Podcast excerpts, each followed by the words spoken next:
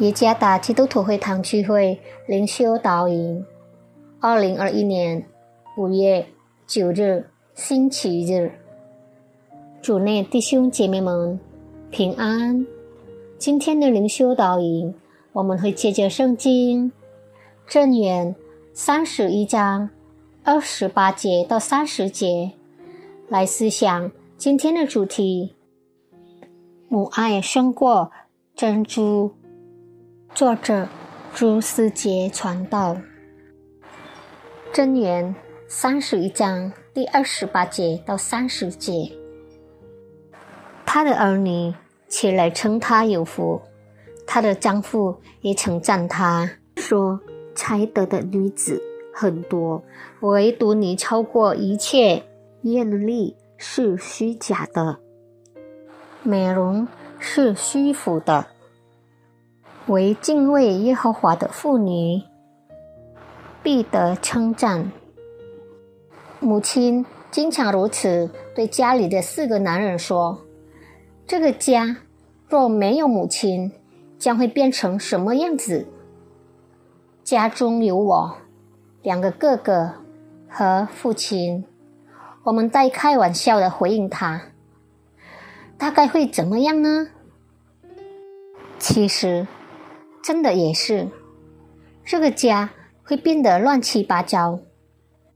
有一次，当母亲因有急事。到另外一个城市时，家中变成格外的宁静、冷漠和显得毫无生气。没有人为我们烧饭、煮菜。坦白说，我们并不希望父亲接触厨房。父亲最拿手的厨艺是用许多切成大块的葱头炒鸡蛋。我们仿佛是吃只沾一点鸡蛋的整个葱头，味道如何可想而知。当家失去了其治理人时，将会显得如此凄凉。无可否认。没有任何人能比得上母亲真诚的爱我们。九个月之久，与腹内胚胎共享生命。当胚胎在腹内轻踢动时，他便发出幸福的欢笑。他也是在医院产房内与生死交战的人。至少这就是母亲生孩子时的感受。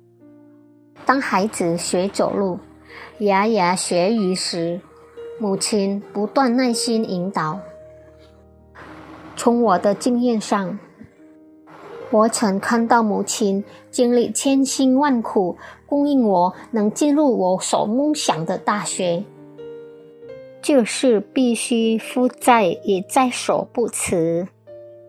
我不会忘记，当我上主日学时，他给我一本很薄关于约书亚故事的书。却后来我少年时便认识了主，能成为今天的我，背后有我的母亲。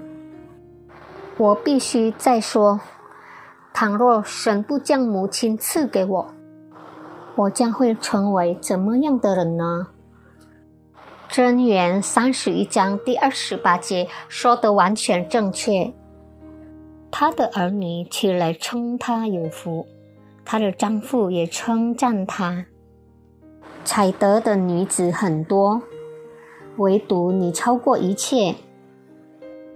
一个人如能拥有敬畏神的妻子或母亲，是何等的有福。三十节。世上没有十全十美的人，但母亲的爱的确胜过珍珠，因为在他的生命中存有属天的珍珠，就是主耶稣基督。倘若有一天他们走了，再也没有人能代替他们的位置。母亲给我一生无限的爱。他只付出而不忘回馈。诚如太阳光照耀世界。愿上帝赐福大家。